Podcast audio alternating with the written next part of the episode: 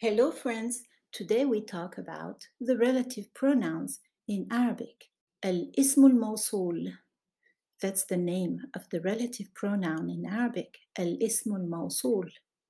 And uh, we have singular forms, dual forms, and plural forms. In the singular masculine, we say alladhi, as in العراقي الذي أعرفه the Iraqi man of course this is masculine that I know العراقي الذي أعرفه التي for the singular feminine so how would you say this sentence in the singular feminine give it a try okay العراقية التي أعرفها the Iraqi lady that I know. العراقية التي أعرفها. Notice that we add the object at the end of the verb. We have to include the object in the relative sentence.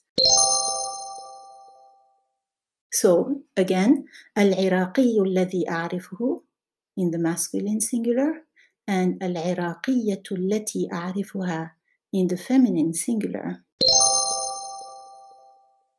In the dual masculine, we say اللذان or اللذين. اللذان for nominative, اللذين for accusative or genitive or prepositional case. For example, العراقيان اللذان أعرفهما. What does that mean?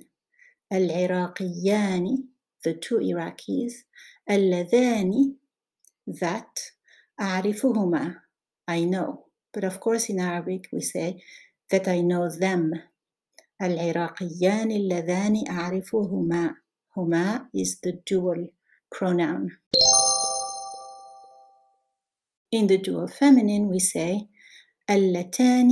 That's in the nominative case. In the accusative or genitive or prepositional case, we use اللذين, and we have here uh, an example with the accusative case. قابلت العراقيين اللذين أعرفهما قابلت العراقيين اللذين أعرفهما I met the two Iraqi men that I know. In the dual feminine, we use اللتان or اللتين as in العراقيتان اللتان أعرفهما the two Iraqi ladies that I know. And of course, we say, the two Iraqi ladies that I know them, we have to include the object in the relative sentence.